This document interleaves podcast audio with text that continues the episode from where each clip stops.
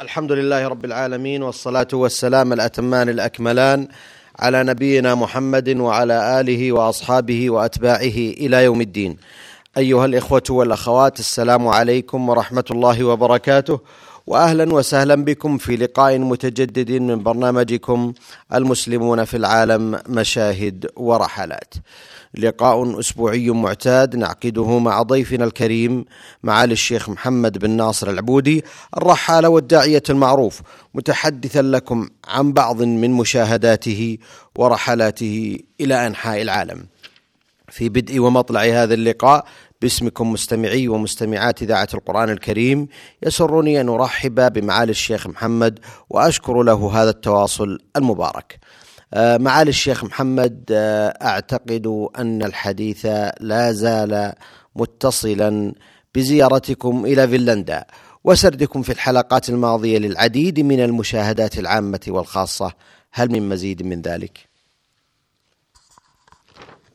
بسم الله الرحمن الرحيم الحمد لله رب العالمين وصلى الله وسلم وبارك على عبده ورسوله نبينا محمد وعلى آله وأصحابه أجمعين.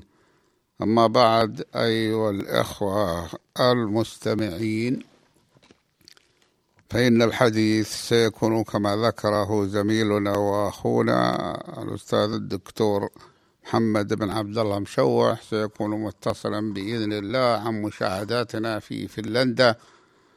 وأعتذر للإخوة الكرام الذين ربما لا يعجبهم الحديث عن المشاهدات المجردة وإنما يريدون أن يستمعوا إلى أخبار الإخوة المسلمين مباشرة ولكننا نحن كما تعودناهم نتكلم على المشاهدات وبخاصة إذا كانت في بلاد تقل المعلومات عنها. في صحفنا وحتى في وسائل الإعلام عندنا.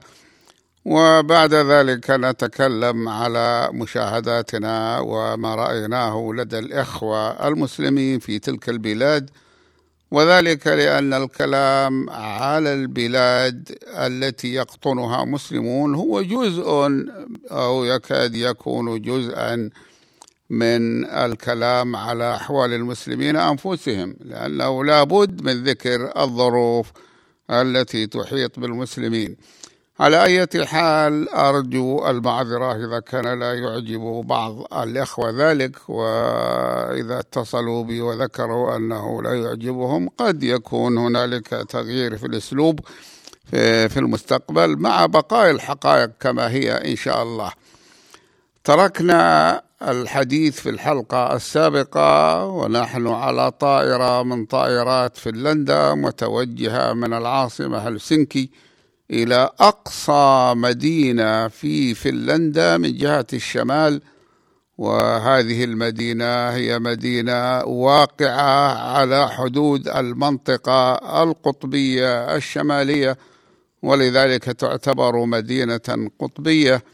وليست وراءها أي مدينة أو قرية إلى نهاية القطب لأنها غير صالحة للسكان إلا ما يتعلق بمراكز أو تعدين أو ما أشبه ذلك أو صيد السمك لأن لديهم سمكا آه، جيدا جدا يسمى السالمون الأحمر وهو من أفخر أنواع السمك.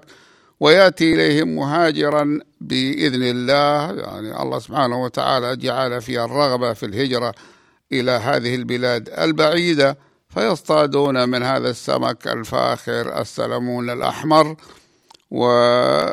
ويصدرونه للعالم وهو مشهور.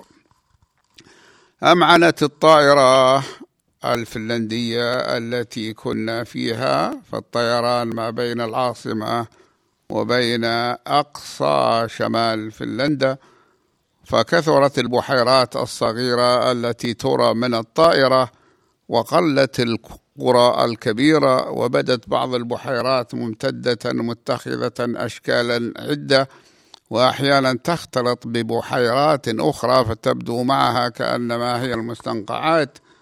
هذا ويخدم في الطائرة أو القسم الأمامي منها الذي نحن فيه مضيفتان.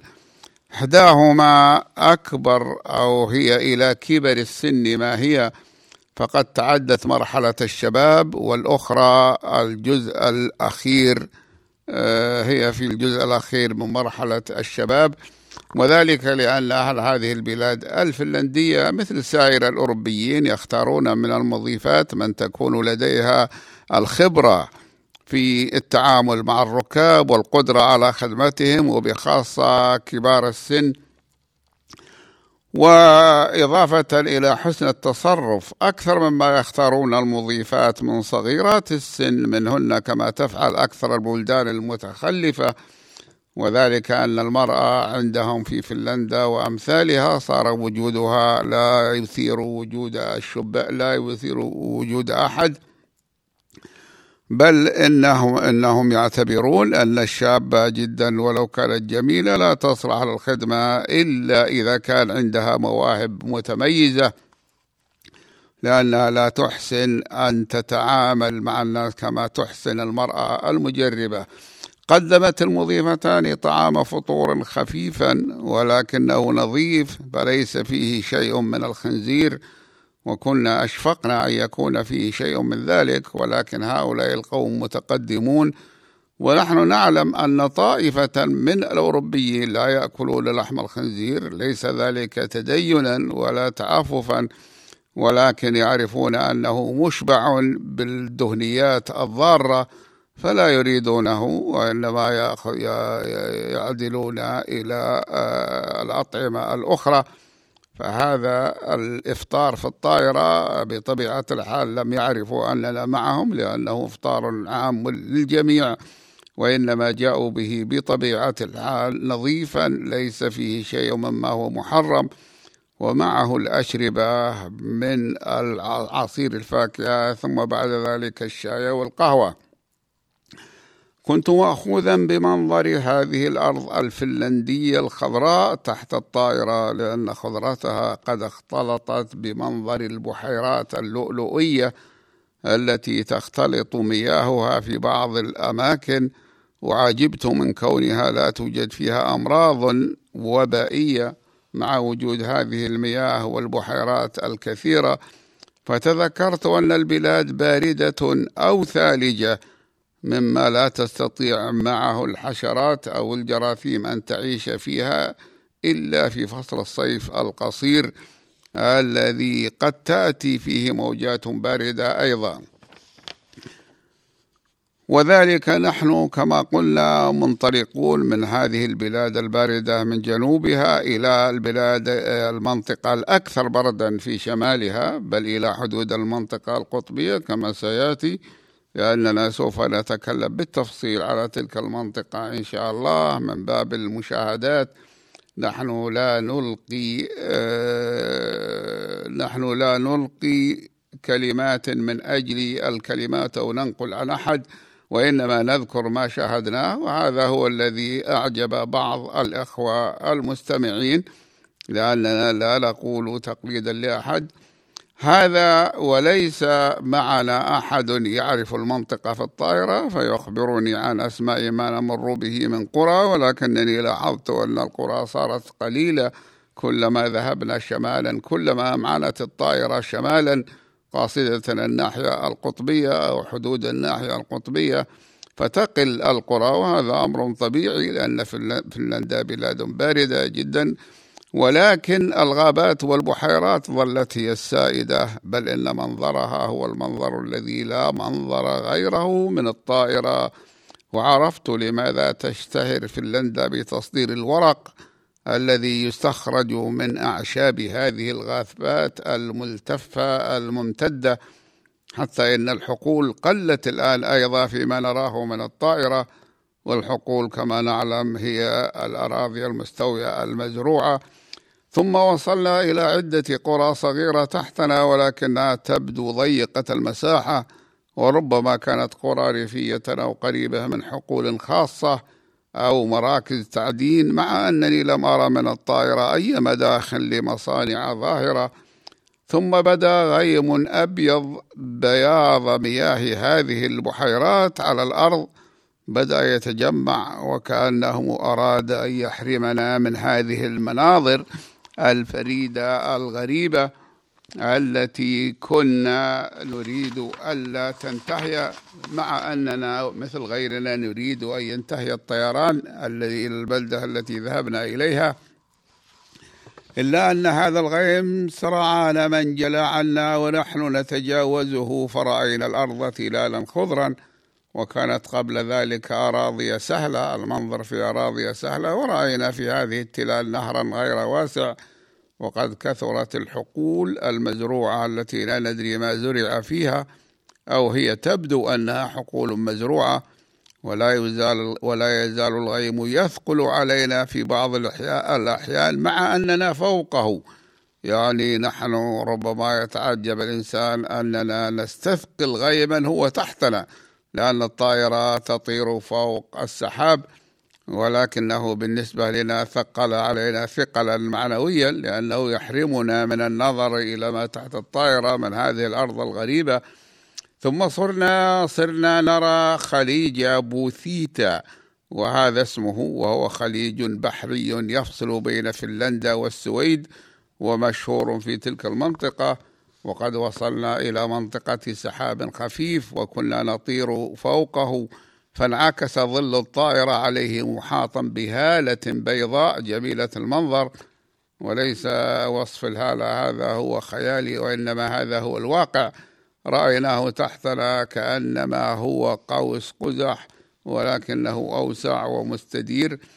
ثم وصلنا إلى أرض معمورة بالزراعة ونحن نقول وصلنا ونريد بذلك الطائرة التي لم تطيها فهي تصل ونحن نصل ولله الحمد.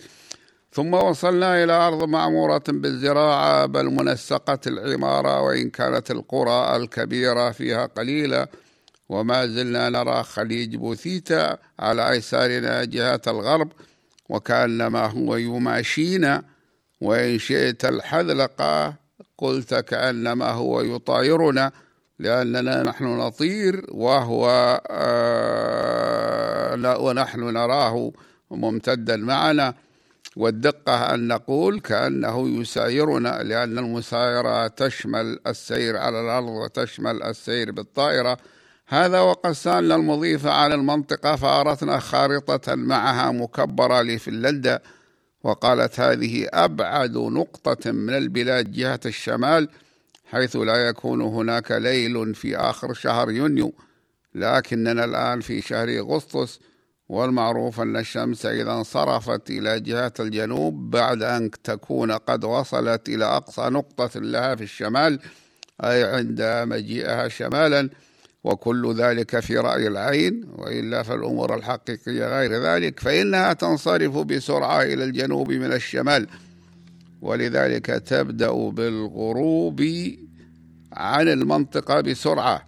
يعني ليست مثلنا الغروب عند الإنصراف يكون قليلا دقيقة أو دقيقة ونصف وأحيانا دقيقة إلا ربع. وإنما هي تغرب آه، بسرعة يعني تغرب اليوم في وقت ثم من الغد تغرب بوقت فارق كبير في أقل منه.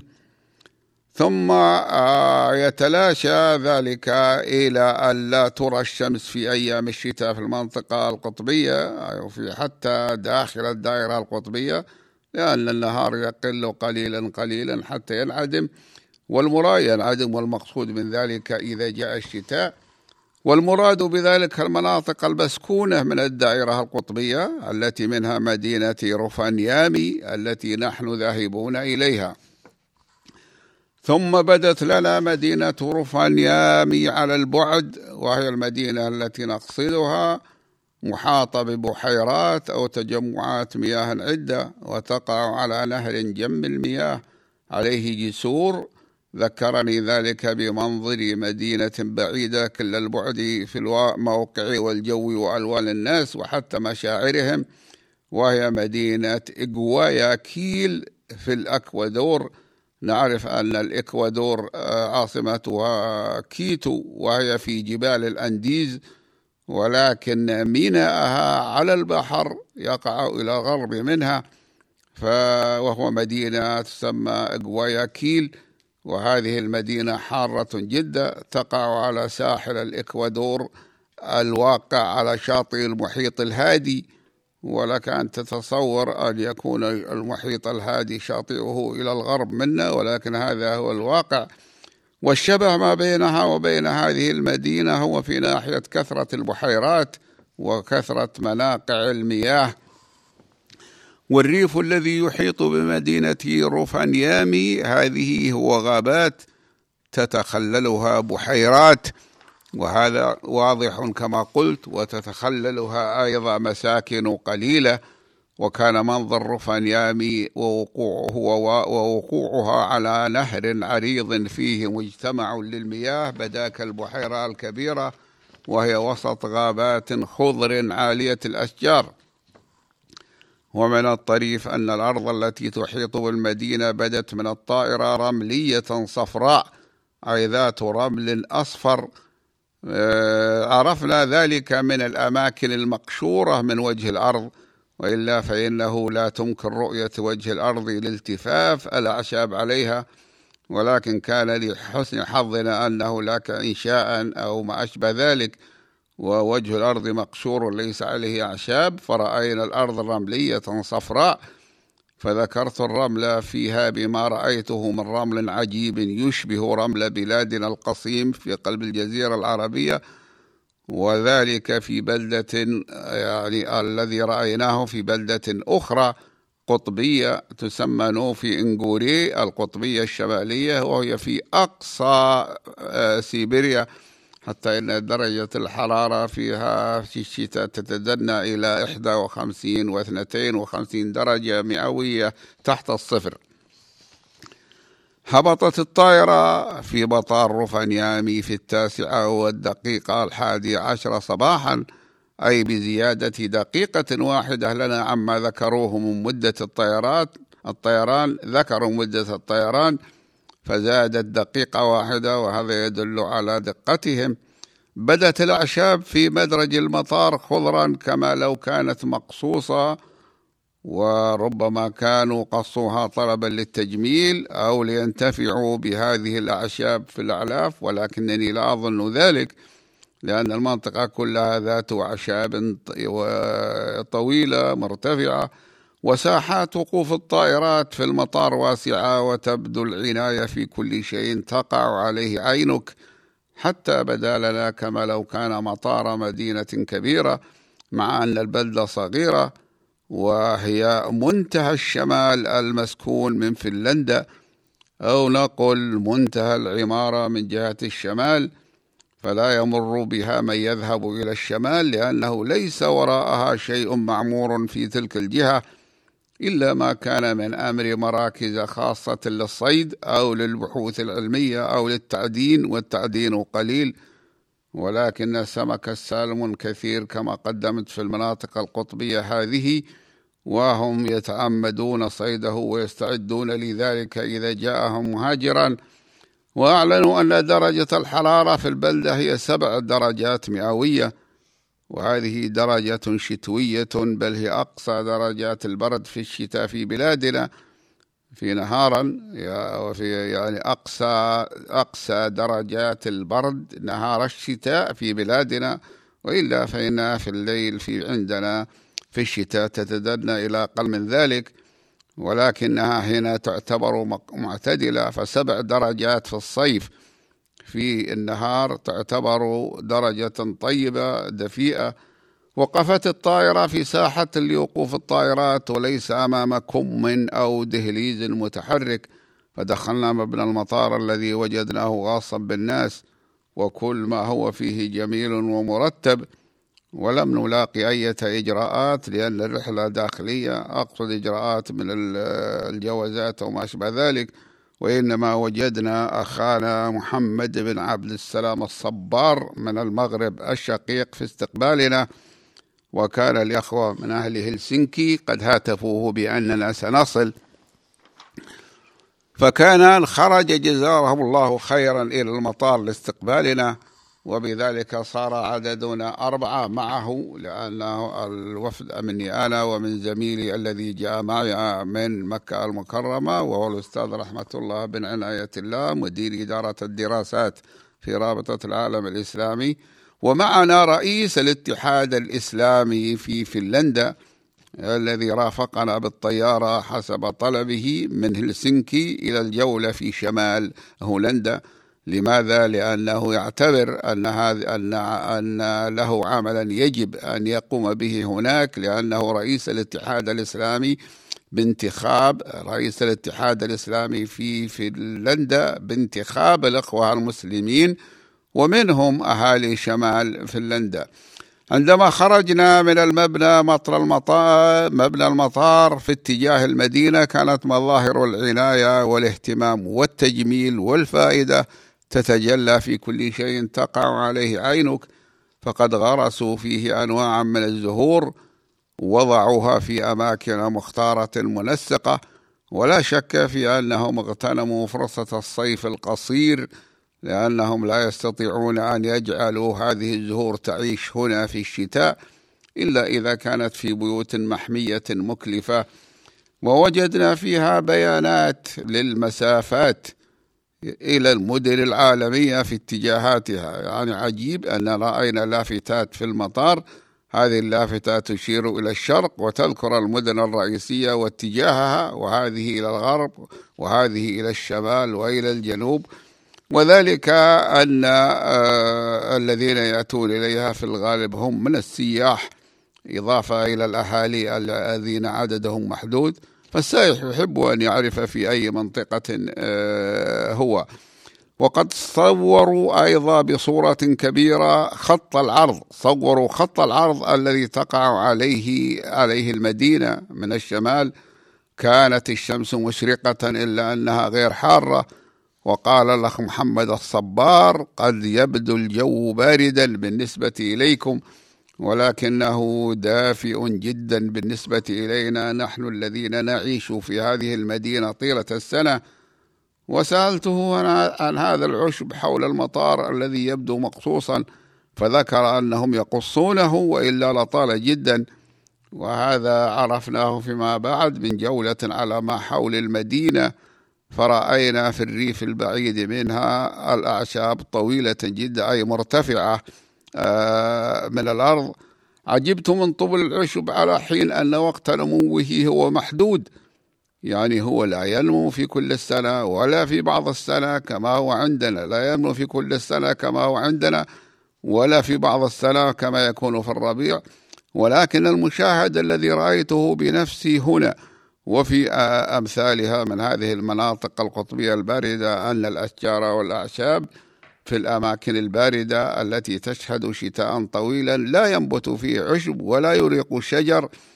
تلك الأعشاب والأشجار تسرع أشجارها في إظهار الأوراق وتسرع أعشابها في النمو كأنما علمت بالفطرة التي فطرها الله عليها أن وقت نموها إنما هو قصير ينبغي اغتنامه فتسرع في ذلك وهذا هو الذي رأيناه. قال الله سبحانه وتعالى أعطى كل شيء خلقه ثم هدى. صدق الله العظيم.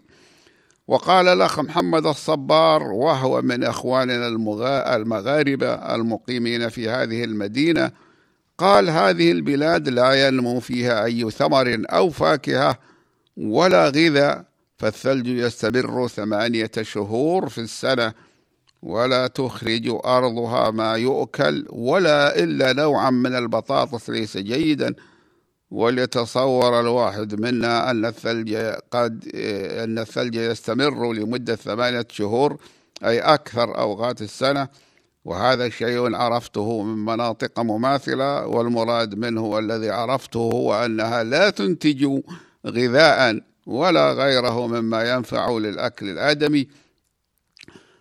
فهذا رأيته في مناطق كثيرة من المناطق القطبية أو غيرها وقد زرت مدينة زرت من قبل مدينة مورمانسك التي تقع في شمال روسيا بل في أقصى شمال روسيا داخل الدائرة القطبية ومثلها مدينة نوفي إنغوري التي ذكرتها قبل قليل تقع في أقصى شمال سيبيريا. ركبنا مع الأخ محمد الصبار بسيارته إلى المدينة فشق الطريق الجيد ذو الاتجاهين منطقة مستنقعات محاطة بأشجار الغابات. وقال الأخ محمد الصبار وقد مررنا بمركز صناعي بين المدينة والمطار. إن هذه المدينة هي تعتبر مدينة صناعية لأنها ليست مريحة للسكن وإنما المقصود من ذلك أنها مفيدة لمن يأتي إليها مفيدة اقتصاديا. قال ومن الصناعات الرائجة فيها صناعة الهواتف وغيرها فهي تصدر أجهزة الهواتف إلى داخل البلاد وخارجها. وقد رأيت بعض مصانع الهواتف في هذه البلاد ولم أعرف سبب اختيارهم فيها للصناع لصناعة الهاتف. إلا أن يكون بغية التشجيع على السكنة فيها ومنطقتها لأنها بدون تشجيع لا تجد من يرغب في سكنها لقسوة بردها وبعدها عن العاصمة ولكن فيها صناعة قائمة على مواد موجودة فيها وهي صناعة الورق من أشجار الغابات وهذه صناعة هي بها جديرة وطرأت على ذهني فكرة إنشاء صناعات مناسبة في الأماكن غير المسكونة من بلادنا مما يمكن من توفير مما يمكن فيه توفير المياه الجوفية أو مياه التحلية من البحر للصناعة وليس للسكن وحده. وذلك آه، أنها معتدلة الجو بالنسبة إلى هذه البلاد الثالجة الشمالية القاسية. وبلادنا صحراء لا تنتج شيئا والمقصود من ذلك هذه البلاد التي نقترح أن يوجد برنامج لافتتاح مصانع فيها فهي صحراء لا تنتج شيئا بسبب قلة المياه وليس بسبب قسوة آه، بسبب ضيق الرقعة أو بسبب قسوة الجو. والأرض صالحة أيضا فوجود صناعات في أماكن كانت خالية من العمارة يخفف الضغط على أطراف المدن ويساعد على عدم تلوث الهواء فيها في تلك المدن. أو على الأقل التخفيف من تلوث الهواء. وصلنا إلى المدينة التي بدت ضواحيها غير مزدحمة وأنا أريد أن أمثل على الأماكن التي أقترح أو أتمنى أن يكون فيها صناعات وذلك مثل الصحراء مثل الصم الصمان. مثل الصمان اللي نقول لها في لغتنا الدارجية صمان وغيرها فهذه بلاد واسعة وصالحة للزراعة حتى الدهنة ممكن أطرافها أن يكون فيها آه، آه، مصانع وهي تخفف الضغط على المدن وكذلك تجتذب عددا من السكان وتنتفع أيضا. وكل ما في الأمر أنها تحتاج إلى مد مياه تحلية أو حتى مياه جوفية. بالآبار الإرتوازية. وصلنا إلى المدينة مدينة المدينة التي نقصدها كما نعلم والتي نزلنا في مطارها. وبدت ضواحيها غير مزدحمة ولكن بيوتها متقاربة وإن كانت تفصل بين البيوت المنفردة ساحات خضر ضيقة. فدخلنا بيت الأخ محمد الصبار. وقد أبى أن نذهب إلى بي... نذهب إلى الفندق وإنما طلب أن نذهب إلى بيته أولا كما طلبنا آه، كما طلبنا منه. نحن طلبنا أن نذهب إلى الفندق لأننا سوف نسافر هذه الليلة من هذه المدينة إلى مدينة قريبة منها جهة الجنوب فيها جمعية إسلامية. وقلنا له إننا إذا ذهبنا إلى الفندق كيف قد نبيت الليلة هنا ونحن لا نبيت؟ فقال لا يمكن إلا أن تذهبوا إلى بيتي. وهذه عادة عرفتها منذ زمن طويل من الإخوة المغاربة في كرمهم ودعوة إخوانهم إلى بيوتهم وتجهيز الطعام السخي لهم غير أن الأخ محمد الصبار ليس بإمكانه يصنع الطعام فنحن نحتاجه معنا للتجول في هذه المدينة وبيته خال من النساء وغيرهم. وهو متزوج إلا أن زوجته غائبة والبيت مملوك لوالدة زوجته. أباحته لابنتها وزوج ابنها زوج ابنتها التي هو الأخ الذي هو الأخ محمد الصبار وأباحت لهم أن يسكنوا فيه وإلا فإنه ليس لهم أي هو لا يملك بيتا. وجدنا البيت على هيئة دارة فيلا أي فيلا يدخل إليه من باب قصير رمزي يفضي إلى حديقة المنزل. وهذه هي طبيعة معظم البيوت في الشمال البارد. أن يكون لها حوش غير مسورا بسور عال لأنه لا أحد يأتي إليه يكون فيه. ويدخل منها آه، تدخل منها السيارة ثم يصعد المرء إلى البيت مع درج خشبي يرتفع نحو المتر.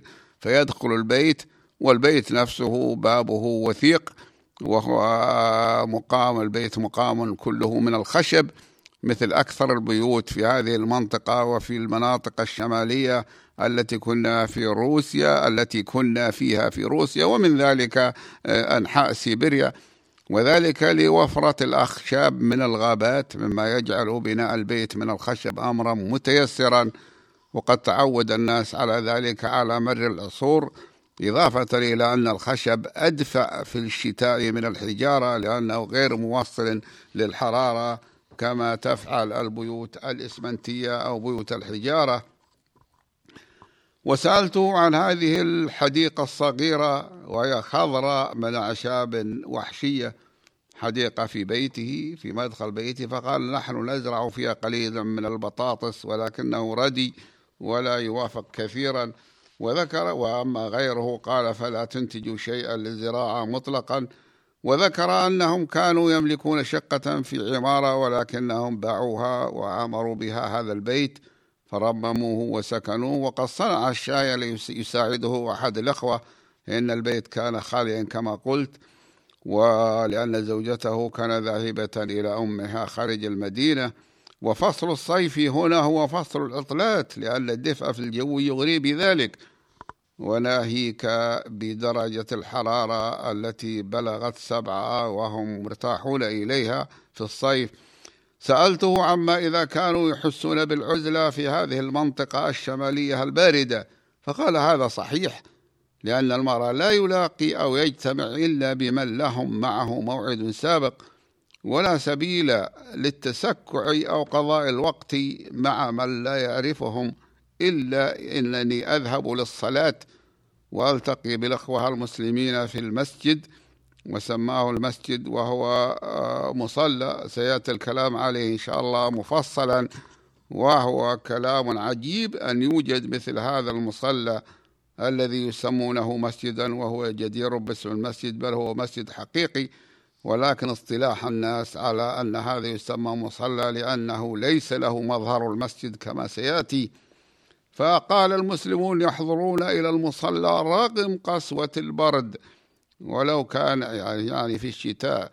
ولو كان المسجد مكانا آخر لغير المسلمين لما ذهبوا إليه إلا على قلة وفي أوقات معينة. قال وكثافة الثلج في الشتاء الآن آه في الشتاء هي آه صعبة جدا ولكن الحكومة تكافح ذلك بالعمل على فتح الشوارع. وقد أصبح الشلج الكثيف طابع الطابع المميز للحياة هنا في أكثر أوقات السنة. قال والمواصلات هنا جيدة وموجودة فمثلا يغادر المدينة وهي كلها مواصلات حكومية فمثلا يغادر المدينة ويأتي إليها كل يوم قطار جيد فيه التدفئة الكاملة والعناية ويستطيع المرء أن يسافر, يسافر به في الشتاء دون أن يخشى أن يتعطل في الثلج. وفيما لو كان راكبا سيارة تعطلت أو وجدت الطريق مسدود مثلا قال وحركة القطارات ليست من أجل الركاب فقط وإن لأن عددهم قليل وإنما من أجل صناعة الورق ونقل البضائع المصنوعة فيها وكذلك بعض الصناعات التي منها مصانع الهواتف. شكر الله لكم معالي الشيخ محمد في ختام هذا اللقاء. أتوجه بالشكر الجزيل بعد شكر الله سبحانه وتعالى إلى ضيفنا الكريم الذي كنتم تستمعون إليه وهو معالي الشيخ محمد بن ناصر العبودي الرحالة والداعية المعروف والذي كان يتحدث إليكم عن بعض من زياراته ومشاهداته لأحوال المسلمين في العالم. نلقاكم أيها الإخوة والأخوات على خير في مثل هذا اليوم من الأسبوع القادم وهذه تحية من محدثكم محمد بن عبد الله مشوح. والسلام عليكم ورحمة الله وبركاته.